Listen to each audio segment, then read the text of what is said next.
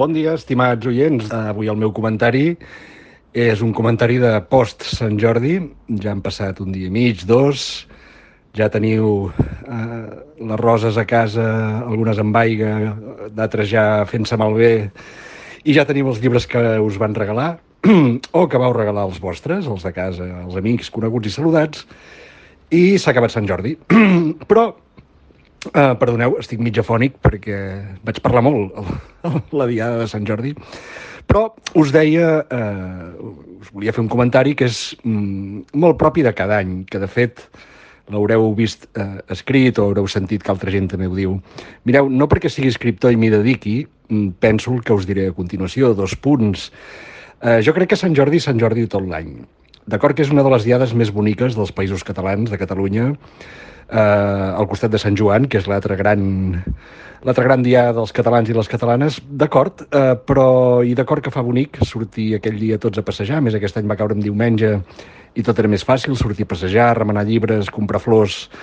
Eh, però, mm, mireu, no és perquè els llibreters i facin l'agost.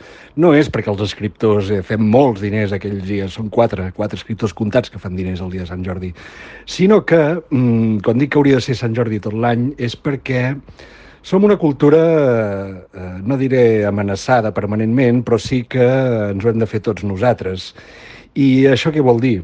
Que cultures més grosses, eh, estats amb més població, això ho tenen fàcil, però nosaltres, sense estat i amb poca població ho tenim més difícil. Per tant, el fet de comprar llibres en català, de regalar llibres en català, de llegir llibres en català, eh, s'hauria d'estendre una mica més enllà de Sant Jordi, abans, després, durant tot l'any.